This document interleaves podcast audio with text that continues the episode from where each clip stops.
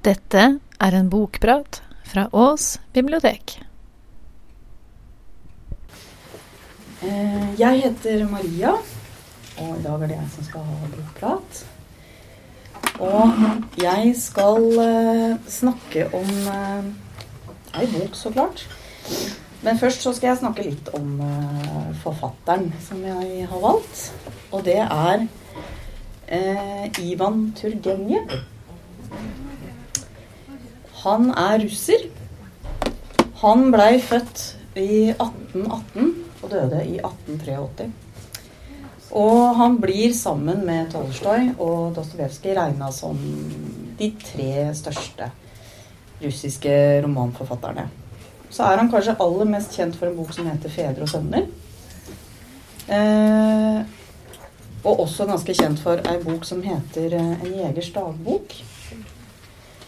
Og det var litt pga. en jegers dagbok at jeg hadde veldig lyst til å prate om Ivan Turgenev i dag. Det er ikke den boka jeg skal snakke om, da.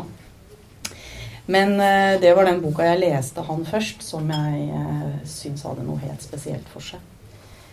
Og En jegers dagbok det var opprinnelig en sånn føljetong med noveller som ble utgitt i et tidsskrift. Og eh, det er litt sånn løselig basert på Ivans egne turer, altså jaktturer, som han foretok på, på, altså på en, Han kom fra en adelsfamilie, så de hadde en kjempestor kjempe, kjempe, kjempe, kjempestor eiendom som han eh, gikk på jakttur. Og der møtte han veldig mange bønder, eller såkalte livegne, som leide, leide jorda deres, da, hans familie. Og han pratet med veldig mange av de, og øh, han øh, fikk veldig sympati med det tøffe livet de levde. Og hvordan øh, denne strukturen, som egentlig bare gagnet godseierne, hvordan den ødela livene til de livegne. Og de sier det at den boka, jegers dagbok, den hadde veldig, veldig mye å si for at eh, tsaren i Russland eh, opphevet eh, altså slapp de livegne fri. Den hadde omtrent samme virkning som onkel Toms hytte, blir det sagt. Fra den virkningen de hadde for, den hadde for slaveri. Så det var litt om den boka som jeg ikke skal snakke om. Eh, det er en helt nydelig bok, så hvis dere ikke har lest den, så anbefaler jeg selvfølgelig den også. Ivan Turgenev han eh, kom som sagt fra en ganske rik familie, en adelsfamilie. Faren var oberst i det russiske kavaleriet. Men han døde når Ivan var bare 16 år. Så Ivan og broren de vokste opp alene med moren. De hadde jo sikkert noen sånn huslærer og guvernanter og sånn, men de vokste opp med moren, som da var helt grusom etter sigende. Hun var voldelig, og hun slo dem. Så han hadde ingen god oppvekst. Eh, så han reiste egentlig så fort han kunne til eh, Europa etter å ha studert noen år ved Universitetet i Moskva. Så reiste han til Europa, til Berlin, og studerte veldig mange klassiske fag. Bl.a. historie, filosofi og litteratur. Og han fikk veldig, veldig sansen for Europa, og kanskje særlig det tyske åndslivet. Så når han da dro tilbake til Russland, så hadde han med seg denne veldige sansen for det vestlige og Europa. Og det var også, han var også den første av de russiske storforfatterne. altså Han var den som ble mest kjent, at han var jo i Europa. Eh, så, så, i Europa av sine samtidig så ble han sett på som den store russiske forfatteren. Ikke Dostojevskij, ikke Tolstoj, men Ivan Turgenev. Men han eh, han skrev mange, mange, romaner og noveller og skuespill. Og de ble også veldig godt mottatt i, i, Russland, altså. Så det var ikke bare i Vesten han eh, var verdsatt. Og hva gjelder stil, så kan man si at han tilhørte realismen. Og når man leser seg opp til en sånn bokplass, så havner man jo inn på veldig mye sånne Wikipedia-sider og Store norske leksikon og artikler og sånn. Og et eller annet sted der så leste jeg at, uh, at noen hadde skrevet. Og han bruker ikke Turgenev for å avlese våre venners syke. Han er ikke eksistensiell i den forstand som Dostojevskij og Torstøy er det. Sitat slutt. Han speiler ikke det evige mennesket, det evige mennesket slik Dostojevskij og Tolstoj gjør. Men sin tidsalder speiler han mer troverdig enn noen av dem. Det er jo litt interessant, syns jeg. Så han er mye mer vestlig skrivestilen, hvis man kan si det. Altså han er mye mer sånn viktoriansk. Mens de her andre store, de var eh, veldig sånn opptatt av eh, det liksom tunge, store russiske temaer som det, som det evige mennesket og, og, den type ting. Så, og det gjorde også sitt til at uh, han hadde sine konflikter med disse to andre store opp gjennom livet. Det var et ganske anstrengt forhold, visstnok. Og han skal visst også ha utfordret Tolstoy til duell på et tidspunkt. Det ble visst aldri noe av, da. Men, uh, og i fjor så hadde jeg en bokprat om uh, Henry James. Uh, og så slo det meg at jeg leste Turgenev på nytt igjen nå, at de skrev veldig likt. De skrev da veldig likt. Og da syntes jeg det var veldig hyggelig. Jeg da leste et annet sted at Henry James var en kjempestor Turgenev-fan. Det syntes jeg var koselig. Eh, men så er det da den boka som jeg skal snakke om, og den heter Jeg sier Rudin. Det kan godt hende man skal si det Rudin, men det tror jeg ikke jeg orker å si så mange ganger, så jeg sier Rødin. Eh, og det er den første boka som han skrev. Og eh, den er kort, ser dere. Den er liksom på knappe 170-180 sider. Og hele boka, med unntak av helt i begynnelsen, den handlingen utspiller seg på et et gods på landet. Eh, og det er på 1840-tallet, og det er en enkefrue som bor på dette godset. Hun heter Darja Mikalovna. Eh, hun er en eldre kvinne, står det der. Eh, som visstnok skal ha vært en fantastisk skjønnhet og muse for kunstnere og forfattere i sin ungdom. Men hun kan ikke være så fryktelig gammel, for hun har en datter på 18 og to gutter som, som fortsatt har en lærer. Så det er det er litt sånn Ja ja, eldre, ja. eh, og hun holder da liksom litt sånn hoff, nærmest. ikke sant? Det kommer masse Ikke masse, men det kommer de nærmeste naboene som er rike nok. De, de kommer og frekventerer liksom hennes, på hennes hus. Eh, og i hvert fall har jeg det litt sånn når jeg leser russiske romaner, at eh, jeg sliter litt med navnene. Det blir så mange navn, og navnene er så like, og de byttes, og ja, alt det der.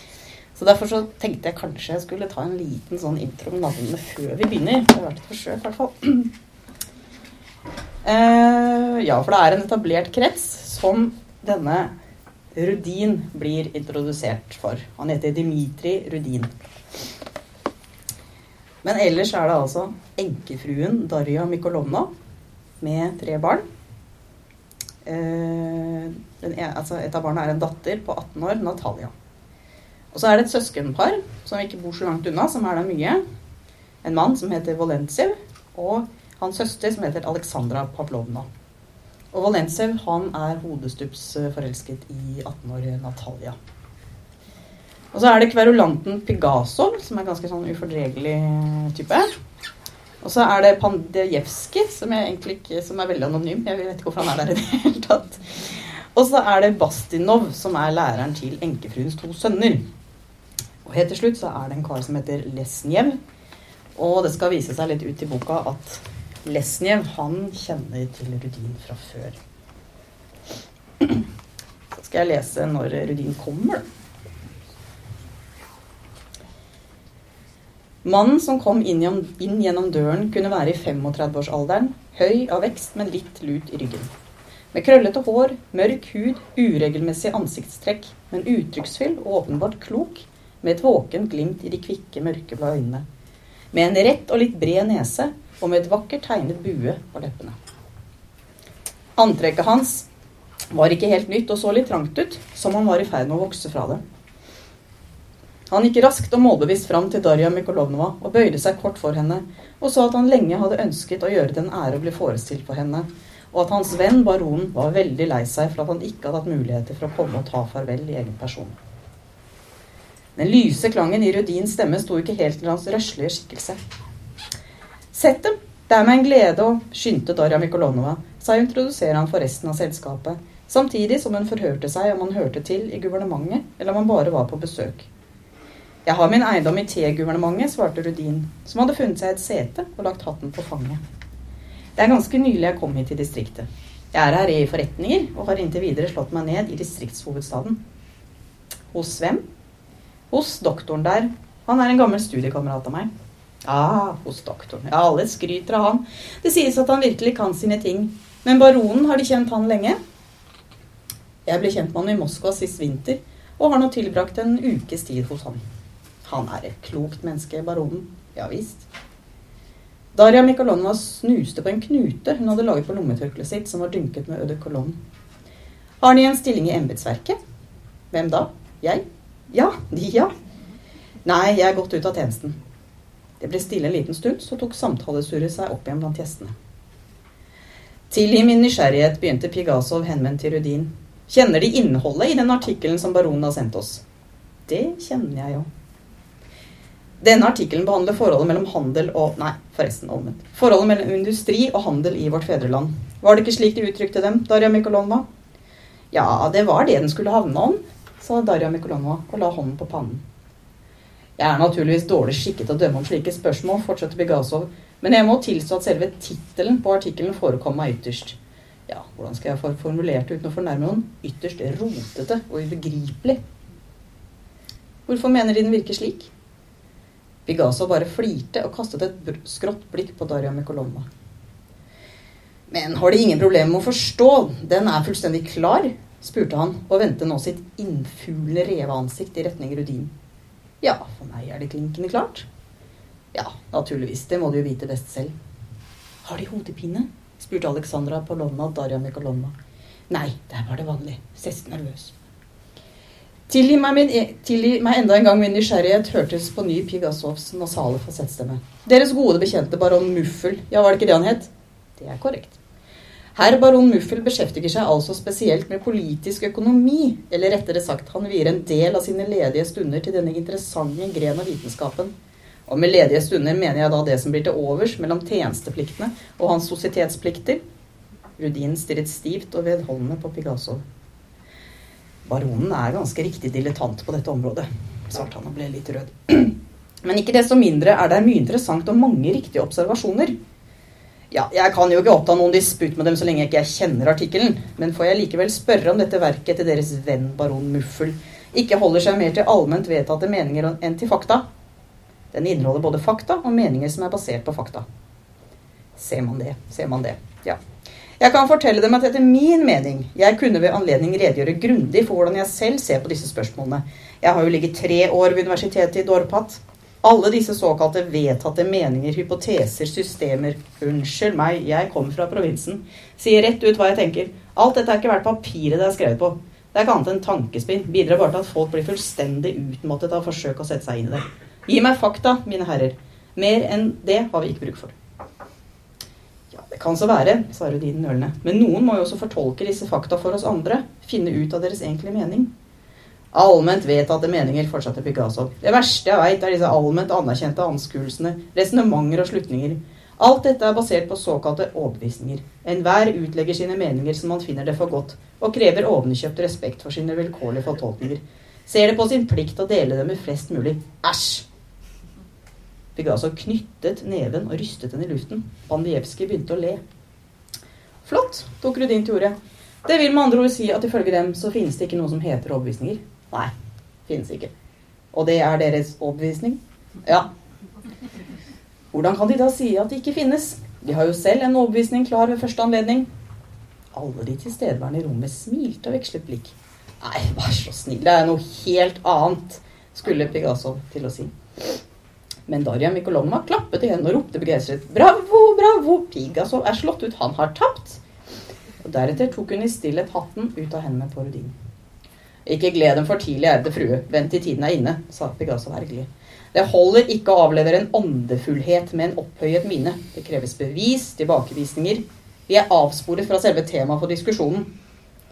Hvis jeg får lov, sa Rudin høflig og avmålt, så mener jeg at saken er ganske enkelt. De tror ikke på nytten av allment vedtatte meninger. Følgelig tror de overhodet ikke på resonnementer. Nei, jeg tror ikke. Jeg tror ikke på noen ting i det hele tatt. Bra. Altså er de skeptiker. Jeg innser ikke nødvendigheten av å benytte slike lærde ord. For øvrig, ikke avbryt ham da, blandet Darem Kolonova seg inn.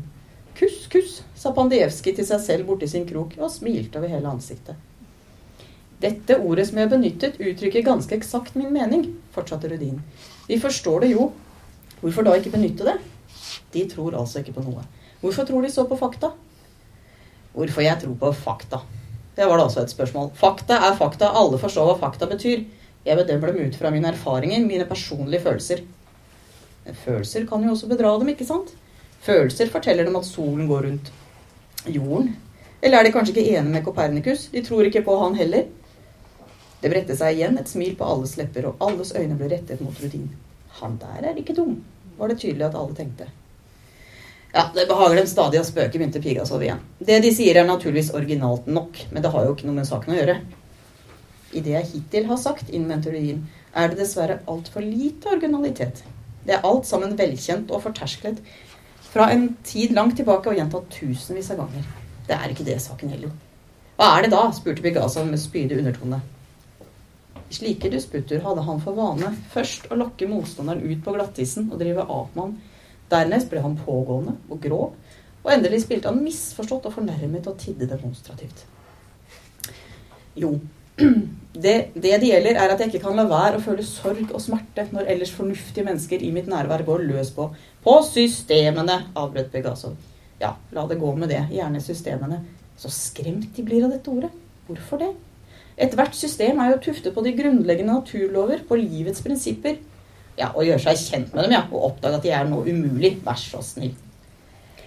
La oss gå med det. Selvfølgelig er det ikke tilgjengelig for alle og enhver, og det ligger i menneskets natur å feile. Vi vil imidlertid, håper jeg, måtte erklære dem enige med meg at f.eks. Newton oppdaget i hvert fall noen av disse grunnleggende lover. La gå med at han var et geni, men genienes oppdagelser er nettopp geniale ved at de etterpå blir alles eiendom. Vi streber etter å finne felles prinsipper i private fenomener, men vår streben er av eh, kjerneegenskapene til den menneskelige forstand over alles dannelse. Hvor er det nå de vil hen, da, min beste herr? avbrøt Pegasov med sin pressede falsettstemme. Jeg for min del er en praktisk mann, og akter ikke å hengi meg til slike metafysiske subtiliteter. Jeg ønsker det heller ikke.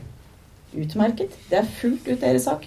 Men vennligst bemerk at selve deres ønske om å være utelukkende et praktisk menneske er på en måte allerede et system, en teori.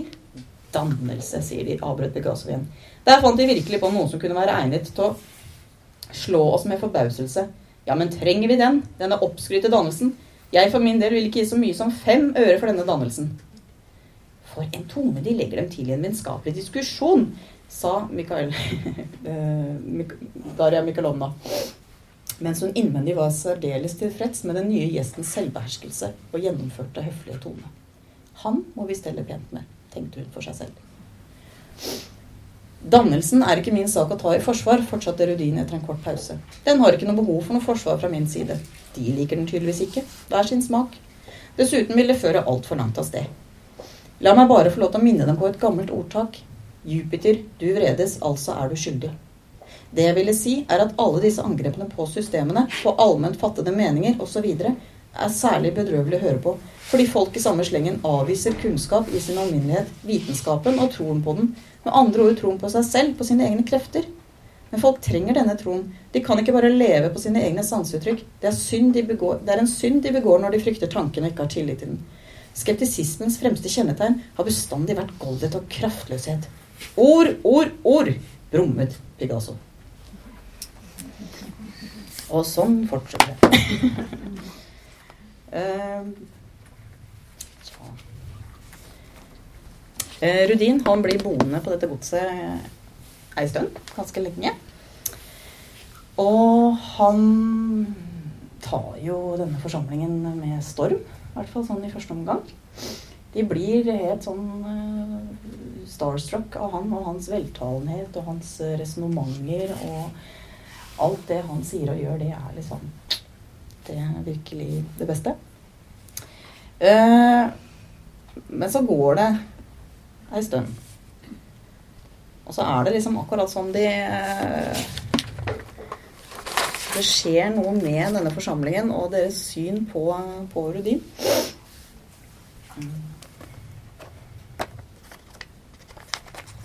Nei, det blir mye lesing, men jeg skal lese litt. Ikke så langt nå, altså.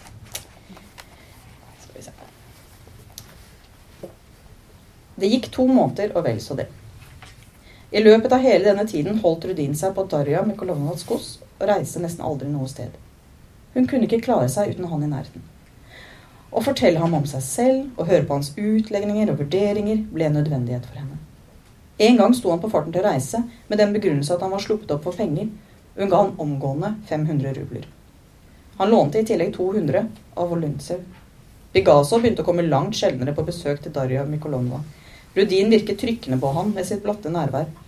For øvrig var det også andre enn Pegasov som følte seg trykket. Jeg kan ikke fordra denne skapningen, denne skrapingen, beklaget han seg fra tid til annen. Han uttrykker seg på en unaturlig måte. Det nærmeste man kommer, er vel å sammenligne han med en eller annen person i litteraturen. En russisk sådan. Jeg, begynner han og stopper opp, liksom overveldet. Jeg, sier han. Jeg. Han bruker sikkert lange ord. Du kommer til å nyse, og han skal fluksens påvise overfor deg hvorfor du kommer til å nyse, og tvert imot ikke hoste. Når han roser deg, er det som om han personlig opphøyer deg til øverste rangklasse. Så begynner han å rakke ned på seg selv, drar seg selv ned i søla. Nå, tenker du, vil han aldri greie å komme opp i lyset igjen. Hva tror du? Han livner til, og det virker som han liker det. Akkurat som han skulle tatt et helt glass vodka på styrten. Pandejevskij var litt redd for Rudin og utviste en viss forsiktighet i omgangen med ham. Volintsev følte seg av gode grunner enda mer beklemt når den nyoppdukkede rivalen befant seg i nærheten. Rudin kalte han for ridder, skambråste han både når han hørte på og når han ikke var til stede. Men Volyntsev kunne ikke få seg til å like han, og følte ikke annet enn utålmodighet og ergrelse hver gang denne i hans nærvær ga seg til å regne opp alle hans fortjenstfulle egenskaper. Må han ikke bare ha meg til beste, tenkte han, og han kjente en bølge av fiendskap stige opp i seg fra hjerteregionen. Volintsev gjorde alt som sto i hans makt for å forhindre at slike følelser skulle få makten over ham. Men han kunne ikke benekte overfor seg selv at han var sjalu på Rudin og redd for å miste Natalia til ham. På den annen side var det heller ikke Rudin, til tross for at han alltid hilste overstrømmende på Volynsev når de møttes, kalte ham ridder og lånte penger av ham, i bunn og grunn overvettes vennlig stemt overfor ham. Det var i det hele tatt vanskelig å avgjøre hva disse to mennene egentlig følte når de ga hverandre et vennskapelig håndtrykk og så hverandre i øynene. Bastitov fortsatte å forgude Rudin og lot og lot ikke selv det minste ord fra vismannens munn gå seg forbi. Rudin på sin side ofret han ikke noe særlig oppmerksomhet. Det var for øvrig en gang han tilbrakte hele morgenen sammen med han, drøftet de dypeste og mest alvorlige samfunnsspørsmål med han, og vakte hans mest utilslørte begeistring. Men etterpå lot han på ny som om han var luft. Øyensynlig var det bare en talemåte når han sa at han søkte rene og hengivne sjeler. Lesniev, som var begynt å besøke Darja Mykolonova, nedlot han seg ikke engang til å disputere med. Det virket nærmest som han unngikk han. Lesniev på sin side holdt også en kjølig distanse til Rudin, men ville ikke ut med hva han egentlig mente om han, noe som gjorde Aleksandra Polovna forlegen og lei seg. Selv næret hun en nesegrus beundring for Rudin, men samtidig hadde hun også stor respekt for Lesnevs meninger. Alle i Darja Mikhalonovas hus rettet seg ubetinget etter Rudins luner. Hvert minste ønske ble uten videre oppfylt. Dagens program avhang fullt og helt hva han bestemte. Ikke en eneste spasertur eller piknik ble planlagt uten hans medvirkning. Han var for øvrig ikke overvettes begeistret for arrangementer av denne art, deltok i dem som voksne er med på barns lek, med en velvillig, men smule livstrett mine. Til gjengjeld blandet seg han i alt mulig annet. Drøftet spørsmål angående driften av eiendommen med Darja Mikolovna, Videre barneoppdragelse, husholdning. Med andre ord hovedsakelig praktiske problemer. Han lyttet til hennes forslag, brydde seg ikke å gå i detaljer, foreslo forbedringer og nye metoder. Darja Mikolonova lot som hun ble begeistret for hans reformforslag, og lot det bli med det. I alt som angikk driften, rettet hun seg etter rådene fra sin forvalter, en aldrende enøyd lillerusser, en godmodig og listig, listig småkjetring. Det gamle er ikke å forakte, det nye kan bedra, pleide han å si smilte innfullt og blunket med sitt ene øye. Nest etter Darja Mykolonova selv var det ingen Rudin snakket så ofte og lenge med som Natalia.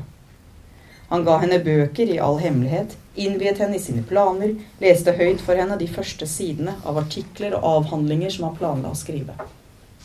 Innholdet og meningen med dem gikk som oftest høyt over hodet på Natalia. For øvrig virket det ikke som Rudin bekymret seg noe særlig om hvorvidt hun forsto ham eller ikke, bare hun lyttet til ham. Hans fortrolighet og nærhet i forholdet til Natalia var ikke helt etter Darja Mikolonovas hjerte. Vel, vel, tenkte hun. Det er for så vidt greit at hun får pratet fra seg med han her ute på landet. For han er det sikkert en atspredelse å omgå slike barnlige sjeler som henne. Kan ikke være noe galt i det. Hun kan jo alltids dra nytte av det. Hun lærer han i St. Petersburg. Men der tok Darja Mikolonova feil. Det var ikke småpikesamtaler Natalia hadde med Rudin. Hun lyttet begjærlig til alle hans utredninger, prøvde å få tak i betydningen bak det han sa, og hun fremla sine egne tanker, sine tvil for han, og avfant seg tålmodig med hans dom. Han ble hennes veileder og oppdrager. Foreløpig var det bare hodet hennes som ble brakt til å gløde i samvær med ham. Men et ungt hode vil ikke gløde lenge alene.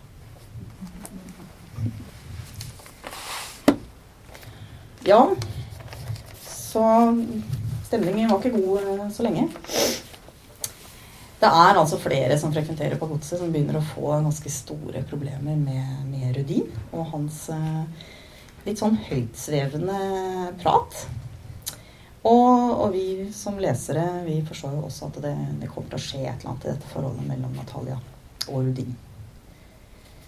Og når jeg skulle lese litt sånn om denne romanen Ikke skrevet så veldig mye om den.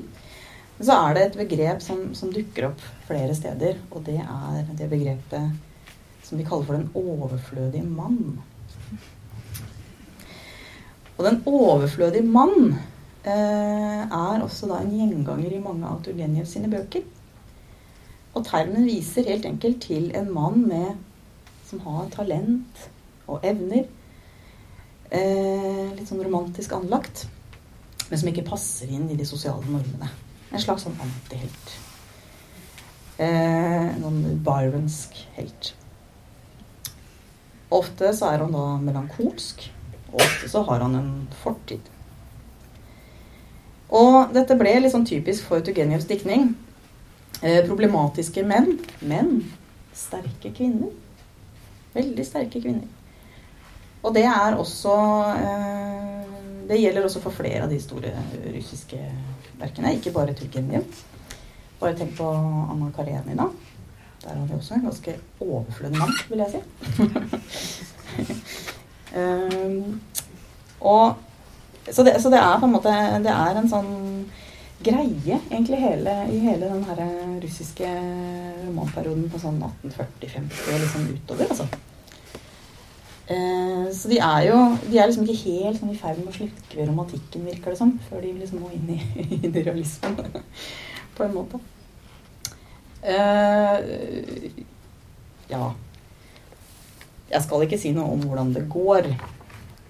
Til det så er den for kort. Men uh, den er altså Den er veldig, veldig lesverdig. Og det som er så flott med Turgenev, syns jeg, er at uh, han er ekstremt god på karakterer. Kjempegod på karakterer. Det er som å sitte og lese litt skuespill, dette her. Uh, og det Ja. Det er veldig sånn godt bygd opp sånn dramatisk. Dramatisk sett.